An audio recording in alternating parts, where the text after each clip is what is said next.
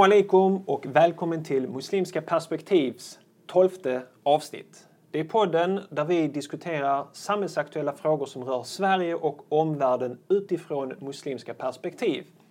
Jag heter Salih Tufekcioglu och tillsammans med mig har jag Salahuddin Barakat. Salam alaikum. Alaikum salam hoppas, hoppas du har haft en eh, bra dag. Ja, det har jag. Mycket aktiv men bra. Ja, mm. alhamdulillah. Eh, idag ska vi diskutera ett Facebook-inlägg som du skrev. Mm. Och det måste nog vara det Facebook-inlägg som du har skrivit som har fått flest gillningar, gillar Ja. Tummen upp på den. Ja, precis. Eh, sist jag tittade var det uppe på 1100 Och delningar och massa sånt Och 100, jag kommer komma okay. exakta siffror. Ja. Men det är den mest delade inlägget som mm. du har mm. skrivit. Flest gilla, tror jag också flest kommentarer. Men det mm. var ett inlägg som du gjorde som handlar om de här skjutningarna som händer i Malmö. Ja, precis. Och eh, det fick mycket skriverier om det här. Och det, mm. det ledde också till ett uh, tv-reportage. Ja, stämmer. Så jag är jättenyfiken på att höra lite mm. mer om varför du skrev det här. Eh, vad reaktionerna har varit, mm. vad dina tankar är kring detta, inshallah. Mm. Men innan vi går in på dagens huvudämne så tänkte jag att vi tar en fråga från våra lyssnare. Den har kommit in från Thomas och eh, jag vill även uppmana då alla våra lyssnare att eh, kontakta oss på admin muslimskaperspektiv.se om ni har frågor så lyfter vi dem här på, i våra avsnitt. Så Thomas, han skriver så här till oss. Eh, det finns ju många tolkningar av Koranen. Kan man någonsin säga att någon tolkning är bättre, mer sann än en annan? Är de rättlärdas uttalande lag som man måste, bör följa eller kan man göra sin egen tolkning? Vad är dina tankar kring det här? Ja, precis. Först och främst är det att förstå vad en tolkning är. En tolkning handlar inte bara om att man vill ha en åsikt för att ha den eller för att det passar ens eh, egna personliga åsikt eller liknande. Utan en tolkning, då har vi någon text att förhålla oss till. Det är det som är grunden till det hela och i den muslimska traditionen så har vi Koranen och vi har haditherna. Mm. Dessa anser vi kommer från Gud och från sändebudet. Och dessa är bindande för oss muslimer att följa enligt texten själv. Så när vi förhåller dem så är det självklart så med text så kan ju vissa texter betyda och tolkas och förstås på mer än ett sätt. Mm. Detta är en självklarhet när man talar om texter. Och eh, man brukar tala om två slags texter. Det finns texter som är entydiga, definitiva. Man kan inte förstå dem på mer än ett sätt. Exempelvis versen där Gud säger Säg Gud är en. Mm. Ahad. Här kan man inte komma och säga att min tolkning av en är att det är tio mm. gudar. Utan det finns bara en tolkning och dessa texter kallas för, då för qat'iyat, definitiva texter. Så här finns inte ens utrymme för tolkning rent språkligt och man skulle vara ohederlig och oärlig ifall man skulle nu komma och säga eh, ha någon slags åsikt eller tolkning som motstrider denna text. Sen finns det texter som är mångtydiga, som kan tolkas på mer än ett sätt. Och det är här då de lärda diskuterar. Vilken tolkning är den mest korrekta eller vilken är den korrekta? Finns det felaktiga tolkningar? Och då självklart, när man har med ett så viktigt ämne att göra som religion, så vi har inget prästerskap, men vi har väldigt, lägger stor vikt på kompetens. Mm. Som du Salih, om du får ont i magen och den här smärtan blir allt större och mer allvarlig. Så går inte jag till en bilmekaniker? Precis, du går till till en läkare? En läkare, en expert. Mm. Du går inte heller till vilken läkare som helst. Mm. Du går någon som är specialiserad i magont exempelvis. Samma sak är det i religionen.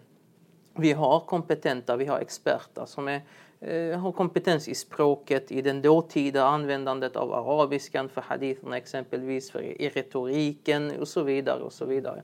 Denna kompetens är ett villkor och denna, för att uppnå en viss slags, där är olika grader av, vi ska inte gå in i för stor detalj, men där, där finns en minimumgrad av kompetens man måste uppnå för att ens tolkningen ska vara relevant. För annars är det som ett läkarutlåtande av en frisör. Mm. Den är inte relevant, mm. även om den kan finnas där. Utan det som är relevant för oss är vilket utlåtande är baserat, grundat, en bildad tolkning, mm. en bildad åsikt. Det är jätteviktigt. Och då har vi eh, lärda som är bildade, som har erkänd kompetens eh, överlag då i exempelvis korantolkning, i rättsfrågor och så vidare. Och, så det är det första. Personen som tolkar måste ha kompetensen till det. Det andra är att de måste använda sig av en konsekvent tolkningsmetod. Och det är för att få bort den mänskliga faktorn så mycket som möjligt. Det vill säga man använder sig av språkprinciper, rättsliga principer, rationella principer som har byggts upp i... Så ett exempel på detta är vad tolkar, hur tolkar man en vers? Jo, först och främst så utgår man från Koranen själv för att tolka Koranen. Mm. Det är det mest rationella att göra för det är en enda talare. Mm. Så vill man förstå vad, den, vad talaren säger på en plats så ska det ses i ljuset av vad talaren säger vid andra platser. Så att det är en princip man förhåller sig till. Och sen efter Koranen, jo, haditherna. Haditherna tolkar Koranen och Koranen kan tolka haditherna. För att alla är en del av uppenbarelsen. Mm. Så att frångå denna princip skulle vara obildat och irrationellt. Så, att dessa, så det första är kompetens, det andra är att följa de här konsekventa tolkningsprinciper. Och de är väldigt intressanta och studeras i en helt egen vetenskap.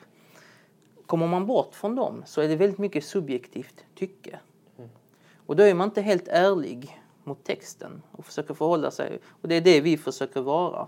Vi försöker vara ärliga mot talaren, uppriktiga mot talaren och förstå det i det vi tror att talaren faktiskt menade. Vi gör, avsåg vi gör med... vårt yttersta för att kunna förstå texten så som Gud vill att vi ska förstå det budskap som han förmedlar. Precis, och det här ordet du sa, vi gör vårt yttersta, vi mm. kämpar. På arabiska heter det ijtihad. Mm. Att göra sitt yttersta, badlil majhud. Mm. Alltså du, du gör det du kan för att uppnå det vi då tror är vad Gud avser med texten eller vad profeten Muhammad med Guds frid var över honom avsåg med det han sa. Så att utifrån det så får man en rad olika åsikter och man kan kategorisera dem i fyra mm. olika kategorier. Du har de tolkningar som är konsensusfrågor. Det vill säga alla muslimska lärda är överens om tolkningen. En sån tolkning kommer då vara väldigt stark, väldigt, ha väldigt stark grund och väldigt lite utrymme för meningsskiljaktighet, det vill säga inget utrymme för meningsskiljaktighet, för det är konsensus. Det andra är majoritetsåsikter, som majoriteten av de lärda har. Men där finns ändå utrymme för minoritetsåsikt, mm. som är den tredje kategorin. De tre, så konsensus, majoritet och minoritet, mm. alla de är accepterade. Mm. För att de har ändå en grund, en relevant grund. Sen har vi den fjärde och det är det som är avvikande, aqwal shadda, avvikande eller extrema åsikter. Och det är dessa som man anser inte har tillräcklig grund för att vara legitima. Mm.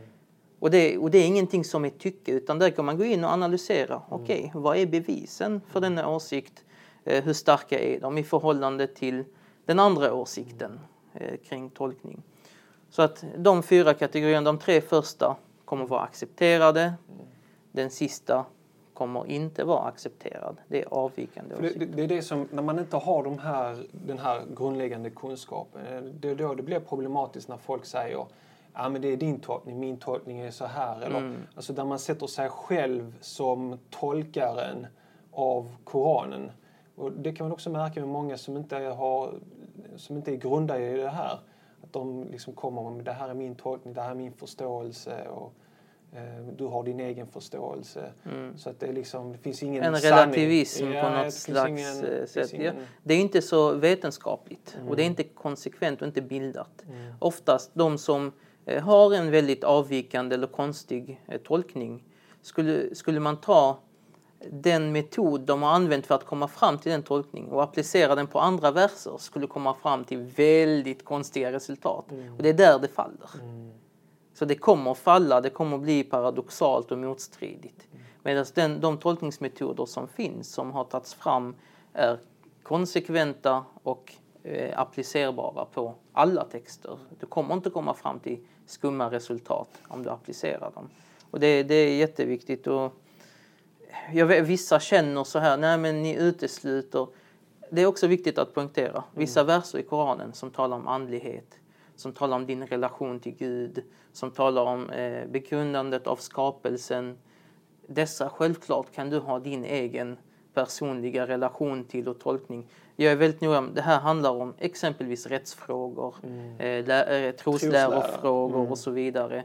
För då, då, finns inte samma utrymme till personlig relation. För det är vissa som missförstår det. det och säger men jag kan inte läsa Koranen själv. Jag måste ha någon som Precis. förklarar den för mig. Nej men du kan ha en personlig relation till Koranen. Absolut. Det är inte så, det är inte så vi ska Och majoriteten av verserna är sådana som mm. du kan ha en personlig relation mm. till som är för ditt andliga, som talar till dig som människa direkt så som människa. Mm. Eh, Medan ett fåtal av verserna eh, är då av rättslig natur eller liknande där det är viktigt att man har de här principerna. Det, det som jag tycker om med den islamiska traditionen det är när de lärde ofta avslutar sina kommentarer med eh, alam. Allah alam, precis. precis. Allah, Allah vet bäst. Det är precis. en form av ödmjukhet att även om de har gjort sitt yttersta för att kunna förstå det här och det här är de slutsatser de har kommit fram till så avslutar de alltid med att Allah vet bäst. Precis. Så att eh, man kan inte bli arrogant om man följer den muslimska eh, tolkningstraditionen utan man är alltid ödmjuk och man gör sitt yttersta men vet att kanske har jag gjort fel i mitt Precis. försök. I dessa frågor som vi kallar ishtihadi-frågor, alltså mm. som är tolkningsbara frågor, som inte är konse eh, konsensusfrågor. Där har vi liksom, eh, Imam Shafi'i är känd för att ha sagt jag anser att min åsikt är den korrekta. Mm. Men det är möjligt att den är felaktig. Mm. Den möjligheten finns där. Och min meningsmotståndares åsikt anser jag vara inkorrekt, men den kan vara korrekt. Det är det här, man, man gör inte det, det tolkningsbart till definitivt. Nej. Men man får inte heller göra det definitiva tolkningsbart. Tyvärr saknar vi den eh, eh synen på kunskap och tolkningar idag tyvärr. Man träffar på ungdomar och så, så är det liksom, och det här är den enda rätta tolkningen. Och, det är därför jag satsar mycket på att föreläsa just om. Mm. Mm. Där jag tar upp och visar praktiska exempel. Ungdomarna får själv se, aha det var inte så som jag tänkte. Det var inte så lätt. Profeten Muhammed har också öppnat upp den här möjligheten att två förståelser av samma uttalande kan, ha, kan vara rätt. Precis, kan vara legitima. Ja. Men vi har då eh, en viktig sak att diskutera mm. och det är den här eh, Facebook-inlägget som mm. du skrev. Jag tänkte citera den så jag läser den nu. Ja. Du skrev den, eh, det var i tisdags då, förra veckan. Mm. Då, då skriver du så här. Ännu en dödsskjutning i Malmö. Tyvärr är det muslimska ungdomar som både står för våldet och de som drabbas främst av det. En efter en faller de. Detta är en påminnelse till muslimska ungdomar som springer omkring på Malmös gator med vapen och säljer knark, rånar och dödar. Ångra er, sök Allahs förlåtelse och lämna er onda livsstil. Tro aldrig att er livsstil leder till något annat än ett helvete i detta liv och det kommande. Om ni har den minsta tro på Allah och profeten, och honom var Guds frid, kvar i ert hjärta, lyssna då på vad de har att säga om er och era handlingar. Allah säger, för den som avsiktligen dödar en troende är straffet helvetet och där skall han förbli till evig tid. Han ska drabbas av Guds vrede och Gud skall fördöma honom och utelämna, utlämna honom åt det svåraste lidande. Profeten av honom var Guds frid sa, den som är medskyldig genom så lite som ett halvt ord i dödandet av en troende kommer möta Allah med inget hopp om Allahs nåd skrivet på pannan. Låt detta vara en varning, inte bara till mördarna, men till alla som hjälper dem, skyddar dem eller på något annat sätt är medskyldig. Även om det är med så lite som ett halvt ord. Frukta alla, för ni kanske kan undkomma lagen, men ni undkommer inte att ställas inför Allahs ord. Må Allahs frid, barmhärtighet och förlåtelse vara med offren och må Allah stärka och ge tålamod till de anhöriga. Eh, och sen har du ett förtydligande. PS. Just denna vers talar om troende för, för att jag såg det passande i sammanhanget. Självklart är dödandet av oskyldiga människor oavsett livsåskådning totalt förbjudet. Det finns andra verser och haditer som talar i mer generella termer eller som beskriver icke-muslimer specifikt. Sen länkar du till Aftonbladet där det stod man skjuten till döds i Malmö. Yes. Vad var det som gjorde att du satte dig vid Facebook och skrev de här orden? Jag har faktiskt haft samtal med ungdomar under en längre tid och träffar dem eh, från tillfälle till tillfälle. Ungdomar som befinner sig i de här kretsarna. Och eh, ska jag vara ärlig så är det dessa ungdomar som har bett mig att skriva någonting likt detta. De har sagt att eh, situationen är kaotisk och att det är unga muslimer som står för detta och drabbas av detta. Och att vi, du måste säga någonting till dem, du måste få dem att fatta hur allvarligt det här är. Du måste liksom piska upp dem lite grann. Läxa och, och upp Facebook dem. var det rätta mediet? Ja, det, och det var deras förslag också. Okay. Det var från de här ungdomarna. Mm. Jag sa, ska, för jag frågade vad vill ni att jag ska göra, vad kan jag göra för er? Och då, eh, de ville egentligen att jag skulle spela in, eh, några av ungdomarna fick förslag att spela in en föreläsning där jag liksom går ut och liksom, eh, försöker förtydliga hur seriöst, hur allvarligt det här är mm. och hur det skadar oss och skadar vårt folk, skadar oss som muslimer på olika sätt. Så att det var lite grunden eh, till det. Det kommer från de här ungdomarna själva eh, och riktat till dem. Eh, med självklart med välvilja i grund och botten. Eh, samma, det är ganska samma, hår, där, där absolut, är hårda, ganska hårda ord. Absolut, men det är, använd, det är Guds ord mm. och Gud använder dem och riktar dem till oss. Precis som vi ibland ska ha morot så måste vi ibland också, alltså vi har både tarhib och tarrib, alltså eh, vad ska man säga, både straff och belöning i vår religion och det behöver vi som människor för att förstå allvaret i det. En, en, Men jag inledde... En wake-up call kan man inte Absolut. göra liksom med, med mjuka ord. Nej, och det är det jag tycker... Där måste man liksom skaka om. Skaka om. Men om du märker så börjar jag ändå med sök förlåtelse. Mm. För slut, det är det det handlar om. Det är det vi vill. Vi vill väcka dem till att lämna. Vi vill hjälpa dem. Vi vill få dem att ändra, ändra sig. Det handlar inte om att vi vill att de ska straffas. Trodde du reaktionerna skulle bli så här att du fick Nej, liksom 1100 gillar, 75 kommentarer, 169 delningar? Inte ens i närheten. Mm. Och jag trodde aldrig att icke-muslimer skulle reagera. För att det innehåller ändå Koranen om helvetet och sånt. Det är väldigt muslimskt. Ja, väldigt och jag vet annars, om du kollar på mina inlägg, när jag talar religiöst mm. så brukar inte icke-muslimer vara där och För många icke-muslimer reagerar på det här med helvetet. Liksom. Precis, så jag, jag tänkte inte ens att det skulle ens mm. reagera att de skulle reagera på Men det, det sättet. Det, det tog fart? det... det tog fart och det spred sig väldigt fort. Eh, och de flesta självklart, som du säger, positiva reaktioner. Mm. Både från muslimer och från icke-muslimer som var väldigt överraskande. Mm. Liksom, Men va, eh, va, va, varför tror du att det blev så en stor reaktion? Jag tror att folk är trötta och känner att någonting måste göras. Eh, och inte bara det där vanliga gamla tjafset som man hör. Även om jag inte är emot det. Mm. Vad men tänk, någonting vad, vad annat måste göras. med gamla tjafset? Ja, men äh, att det, det, är alla andras fel än själva utövarna. Mm. Det är samma vanliga som man har ja. hört. Utan, utanförskap och alla ja, de visst, här visst. Och jag är inte emot det. Och det har jag tydliggjort många gånger. Jag är inte alls emot det och jag förstår att självklart är det en del av ekvationen utan ett tvekan. Men vi får inte lov att ta bort ansvaret, taklif från människor. Mm. Tar vi bort deras ansvar så tar vi också bort på ett sätt deras möjlighet att förändras. Mm. För vi säger det är inte ni, om det inte är dem, om det inte är deras, om de inte har någon del i det, då kan de inte heller komma bort från det. Mm. Är du med? Det, det, det, blir lite indirekt så. Det är en svår så. balansgång för samtidigt så måste man förstå liksom, vad är det som gör att just Absolut. de här områdena drabbas av det här. Och, och ehm, det blev ju en del motreaktioner också. Många mm. som ifrågasatte dig och liksom, aha, likställer du nu liksom, säger du att det här är muslimer som gör det här, då menar du liksom lite indirekt att det har med islam att göra.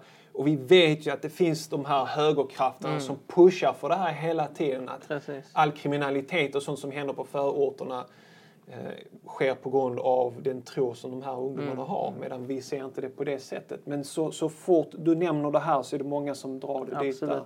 Jag, jag tror att, jag förstår den, eh, det perspektivet. Jag tror inte det håller i det jag har sagt, mm. varken i tv eller i inlägget. För jag är väldigt tydlig, särskilt som muslim och imam, mm. kommer ut och säger att lämna detta. Mm. Islam säger att ni inte får göra så. Mm.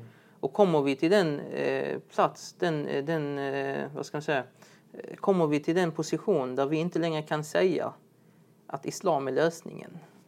Mm. Bara för att andra ska kunna misstolka. Hur, vad har hänt då? Hur ska vi göra dawa? Mm. Hur ska vi kalla bort folk från eh, synd in till fromhet och rättfärdighet? Eh, jag har varit väldigt tydlig både i inlägget och... Så jag förstår som sagt, jag förstår eh, deras perspektiv. Jag förstår att det kan utnyttjas.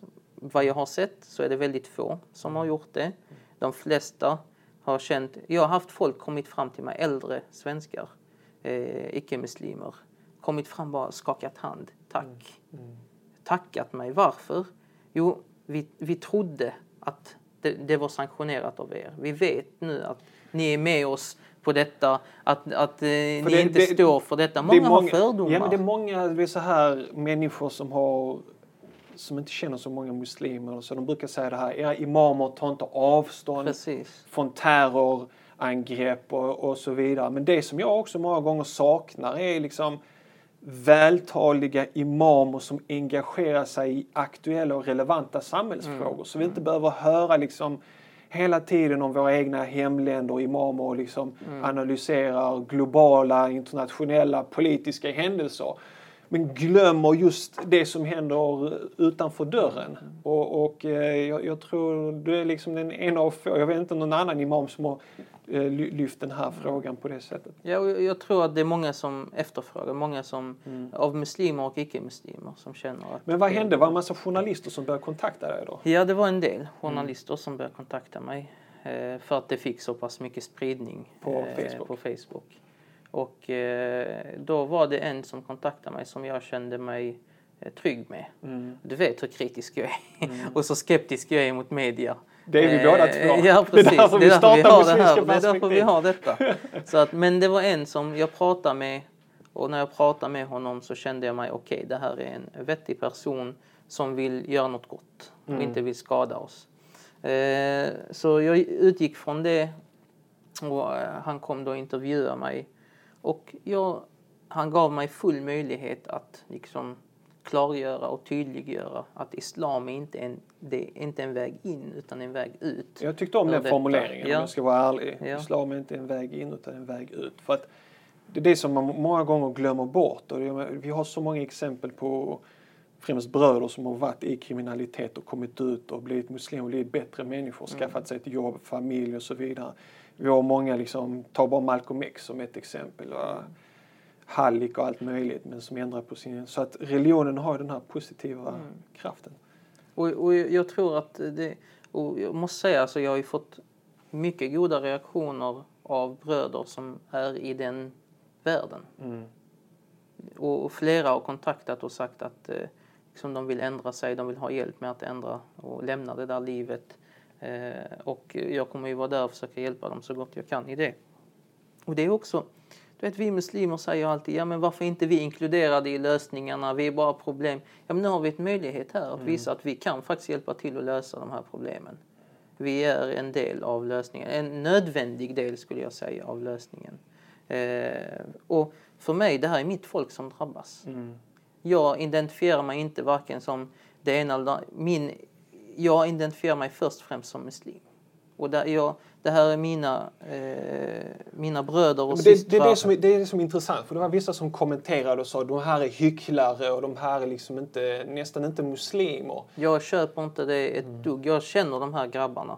Jag, träffar, jag är ute och träffar de här grabbarna. Mm. De här kan jag säga har ibland mycket större iman och starkare och mer respekt för religionen än de som besöker eh, moskén varje dag. Mm. De, vissa av dem kan säga jag skäms för att gå in i religionen, för det, in i moskén för det jag gör. Mm. Medan du har de som går in i moskén och sen luras och bedrar och det ena och det andra. Mm. Så jag köper inte att de inte har iman, att de inte är muslimer.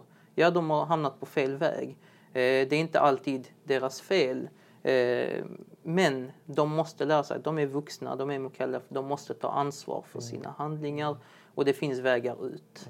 Precis. Ta de vägarna. Sen är det ju inte alltid det handlar om droger och så. Jag läste en artikel med från Fryshuset, en kvinna Mm. här i Malmö som, Malmö som jobbar och hon var alarmerad liksom. Och vi, det här, vi måste göra någonting. Hon skrev att det handlar om sådana bagatellgrejer som du vet, flicka och så. Ja, ja, visst. Flickvänner, det kan vara hämnd för minsta lilla grej och så skjuter man varandra. Och det är där också jag har varit väldigt noggrann att vi vill inte dalta med de som dödar. Det, finns, det, kan, det, det finns förlåtelse för dem också. Men vi får inte dalta, vi får inte frigöra dem från den skulden Alltså, du vet, att ta ett liv, den, det ansvaret, det är en stor grej. Och det är ingenting som är en nödvändig orsak av fattigdom. Alhamdulillah, Islam har gett oss möjlighet att leva som fullkomliga i den mänskliga bemärkelsen, som fromma människor Mm. oavsett vilket tillstånd vi befinner oss i. Även under förtryck och orättvisa ska du kunna leva som en from, ärlig, uppriktig muslim. Och det är det vi vill ha ut. Mm. Vi, visst, och du vet, ska, man, ska vi vänta på att samhället helt plötsligt ska bli rättvist? Mm. Att samhället ska helt plötsligt eh, tillgodose våra behov och då får vi vänta oändligt länge. Men, alltså, Vi jag- måste ta tag i problemen jag- Mm. själva och sluta förlita oss på att andra ska lösa det och, och att rättvisa ska uppstå på jorden och så vidare. Inget som kommer ske imorgon. Men, men alltså det som jag ser om, om, vi ska vara självkritiska. Samtidigt ska vi kämpa för rättvisa. Missförstå inte. Nej, nej, det är nej, nej, viktigt jag att. Det är Vi ska kämpa för rättigheter, vi ska kämpa för att det som idag kallas för liksom våra förorter eller vad, hur vi vill definiera det, att vi ska få eh, vi ska kämpa mot rasism och diskriminering och islamhat och muslimhat. Och du vet hur mycket jag kämpar Ja, i det absolut, normalt ja. sett. Men vi måste, det måste gå mer utifrån islam och muslimska värderingar. Vi måste gå från oss själva. Vi måste vara mer självkritiska. Men jag, jag tror liksom att, att vi kan nå de här ungdomarna på ett helt annorlunda sätt än vad många andra kan göra. Absolut. Så att, eh, helt klart. Och jag har sagt, jag, ska, jag har lovat inshallah ta'ala att vara ute mer. Jag träffar de här ungdomarna då och då, det är alldeles för sällan. Vara ute mer och jag ska lobba och göra allt vad jag kan för att få med mig fler imamer. Jag får nästan tvinga ut dem. Men, men liksom. om vi ska vara självkritiska nu här. Alltså jag, jag tror vi som muslimer har inte tagit den här problemet. Alltså vi har inte tagit tag i det här och gjort vad vi kan göra. En av min lilla kritik har varit, eller lilla kritik, det är liksom fredagsbönen, khutba. Där många från den här ungdomskretsen kommer. Alltså de gör allt möjligt, men fredag då kommer de till moskén och då får de höra liksom fredagspredikan som inte har en relevans. Jag har aldrig hört en imam som pratar om våldet ute på Malmös gator och torg och sådär. Samma, Och så- samma fredag efter den här skjutningen Mm. Fick jag höra från en av moskéerna. Och jag känner imamen är jättebra Mm. och han menar väl. Och det är utan tvekan ett sätt. Men han föreläste och predikade om eh, bönens vikt. Ja, det är det jag menar. Det är liksom... Och visst, bönen, bönen är jätteviktig och allting. Och man kan tala om bönens vikt. Men det måste knytas an till vår verklighet. Det måste knytas an till de här ungdomarna. Samtidigt, okej, imamerna, men sen har vi organisationer också, föreningar och sånt. Och många liksom ungdomsföreningar, muslimska ungdomsföreningar och annat, när man gör olika aktiviteter, det är liksom inbördes. De som kommer till de här aktiviteterna, det är praktiserande redan. Liksom. Och man har väldigt svårt att nå de här ungdomarna som inte kommer till muslimska aktiviteter eller till moskén och så vidare. Man måste ut. Mm. Så, så min, min fråga, min, min, det som jag vill att vi diskuterar nu här eh, på några få minuter, det är vad, vad kan vi göra som den muslimska gemenskapen i Malmö för att hjälpa de här ungdomarna ut ur kriminalitet? En, ett antal saker jag kommer på bara sådär på eh, rak hand. Vi måste ut, träffa och prata med våra unga bröder och systrar. Eh, det räcker inte med Facebook-inlägg om att vi ska ha föreläsningar. Så vi måste ut och prata med dem, göra det mer och oftare. Och vara ihärdiga i det. Vara på de platser där de är. Eh, det är ena saken. Den andra saken, vi måste anpassa våra muslimska center och, och moskéer och byggnader och fastigheter för dem. Det måste vara inbjudande. De Jag, måste... jag, jag tror där är, där, där är någonting med våra befintliga byggnader som skrämmer folk. Alltså. Ja, Jag möter många som är så Absolut. här rädda för att komma till moskén och ibland kan det vara liksom att de bara fått fel för sig. Liksom. Jo men, du, ändå jag har upplevt saker. Du, jag har sett folk gå in i en moské Mm. och på grund av att han har tatuering eller att han har en ring i örat eller något sådant så blir de tillsagda direkt det första. Achi, du haram." vet det är haram att ha en ring i örat. Det, du vet, det, det räcker med en sån grej. Sen kommer den personen aldrig sätta sin fot igen där inne. Och många av dem Mm. Så det är, inte bara upplevt by- sådana. det är inte bara lokalerna, hur de är formade. Det Liksom, är beteendet. utan Vi måste ha ett inbjudande. Och sen handlar det, det räck- vi behöver inte bara ha moskéer. Nej. Vi behöver ha andra. Man behöver inte lägga eh, miljontals kronor på utsmyckade vackra moskéer utan vi behöver andra slags lokaler. Andra slags, Ungdomscenter, precis, Ja. andra faciliteter. kulturhus. Men jag måste också säga, vi, det, vi ska inte bara skylla på Det finns den jargongen också. Vi skyller bara på församlingarna och föreningarna. Vi ska veta att de har väldigt begränsade resurser.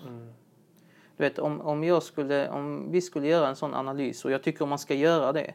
Kolla vad andra föreningar får i resurser. Fritidsföreningar, eh, idrottsföreningar och så vidare. Så kollar du vad muslimska föreningar har för budget och resurser att utgå ifrån. Och så kollar du, jämför du hur mycket som görs. Så kommer du se att muslimska föreningar trots allt gör ett superjobb. Ja, men då, då är det liksom eh, resurserna, ska det komma från staten eller ska det komma från oss själva? Och, Om du och- frågar och- mig så ja. tycker jag de ska komma från oss Ja, själva. men då, då har vi liksom ingen ursäkt. Det är liksom, Nej. var lägger vi pengarna? Ja. Och, det, och det är ofta Men man som, kan inte bara skylla på församlingen. Som, vi är församlingen, vi ska vara församlingen. Ja, ja, Hur många muslimer Men det är det här i staden är med och stödjer muslimska församlingar och föreningar ekonomiskt? Vi lägger hundratals kronor på Ja. kebaber och hamburgare, men hur mycket lägger vi för våra ungdomar? Men saken är att folk är inte beredda att satsa i de här nuvarande moskéerna och centren och föreningar för att de har inte den verksamheten som folk vill se. Gör egna. Gör Alltså, om, egna. vi om, har, om, eh, om vi moskéerna hade. Mm. kommit och haft, vet, var, bli medlem här. För just nu har vi den här aktiviteten för ungdomar, vi har den här aktiviteten för dina barn. Alltså hänger du med? Mm. Ja. Ibland är det att man bara samlar in för att vi ska betala värmekostnaderna. Alhamdulillah, i Islamakademin har vi haft den policyn. Mm. Att eh, vi vill erbjuda någonting först. Sen kan folk hjälpa till om de vill. Mm. Vi utgår från vad vi har att erbjuda. Och det finns fortfarande mycket kvar att göra självklart. Men jag tror det är någonting som alla bör ta till sig. Eh, samtidigt, det, det är... Vi, vi tar för lite ansvar överlag Mm. alla, vi har oss alla, vi måste klandra oss själva. Vi måste hålla oss själva inför räkenskap. Hasibu anfusakum tuhasabu. Håll er själva till räkenskap innan ni hålls till räkenskap eller bedömning. Både imamer, eh, församlingsledare, gemene muslim, gemene människa i det svenska samhället. Ja, ja, Eh, ja, ja. Och jag är inte så här isolationistisk att det här är bara muslimer ska lö- Nej, vi självklart hjälper och i samarbete med resten av samhället. Men vi måste fokusera mycket mer på vad vi gör och inte på vad andra gör. Mm. Precis, och, och, och det är där jag tror vi måste bli bättre på att satsa i vårt samhälle. I vårt närområde. i i vårt samhälle. Jag menar, vi är jätteduktiga på att samla miljontals och skicka och till alla möjliga delar av världen och det ska vi fortsätta att göra. Mm. Men vi glömmer. Vi glömmer eh, vår egen stad, vi glömmer de problemen som vi har, vi glömmer våra ungdomar som är här. Och det är inte gratis. Nej, Alltså, hänger du med? absolut Eh, inte. Men Absolut. eh, så, så att eh, där, där tror jag att eh, vi måste bli mycket, mycket Bättre. bättre. Och- där, där, där, många tror jag, där också- tror jag att många så här muslimska styrelser och föreningar och så tänker att Ja, men det där sköter samhället. Det får polisen Det är det sköta. jag- det det- får skolan Ja. sköta. Det får Ja. ja, de andra Det- institutionerna. Vi tänker på våra muslimska länder. Hänger du med? Precis. Och det, jag såg en, en eh, bror som frågade liksom, eh, ja, någon kom och frågar mig, eh, vad, vad tycker du om den här muslimska personens brott? Eh, och så säger då, svaret från imamen blir då att nej men eh, vi, han kommer inte till moskén. Han har aldrig varit i moskén, han är inte med i moskén liksom. Ja. Eh, för mig är det väldigt, jag förstår eh, jag förstår liksom, fråga istället resten av samhället, fråga skolan, fråga det. Mm. Och jag förstår den kritiken. Samtidigt, som muslim, så känner jag, okej, ja det är sant. Vad, vad kan jag göra? Vad har jag gjort? Mitt ansvar går utanför Ja, moskéns det- väggar. Är du med? Som muslim är jag inte bara liksom hjälpa gjort? bara mina i min församling. Jag vill hjälpa hela, hela mitt eh, närområde, hela mitt samhälle. Min respons bör vara, okej, Ja, vad kan jag jag har inte gjort, till? vad kan jag göra? Ja, Jag precis. ska göra ännu mer. Inte Jag har tvätta händerna misslyckats. säga han är inte med i min förening. Liksom. Det, det, Jag tror många av oss inom församlingen har varit liksom att ja men de är inte i församlingen, då är det inte vårt ansvar Mm. lite grann. Eh, ja men de praktiserar inte, de är inte ens muslimer enligt vissa. Är du med så här? Ja, men det. varför säger man de här argumenten? Jo det är för att friskriva sig ansvar. Ja. I, om man kollar undermedvetet Mm. så är det ju ett sätt att friskriva sig ansvar.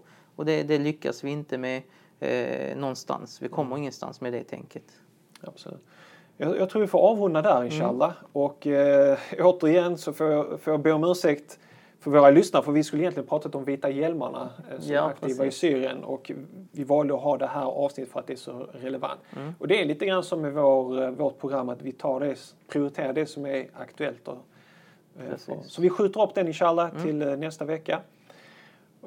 Och då tänkte jag som så att vi vill gärna veta vad våra lyssnare tycker kring det här med gängkriminalitet och utanförskap. Helst och lösningar. Vad kan vi göra för att Lösningar. lösa, Precis. hjälpas åt tillsammans för vi att skulle lösa gärna vilja ha konkreta tips och exempel på det här. Det kan ni göra på vår hemsida muslimskaperspektiv.se. kan ni gå in där och kommentera på det här avsnittet.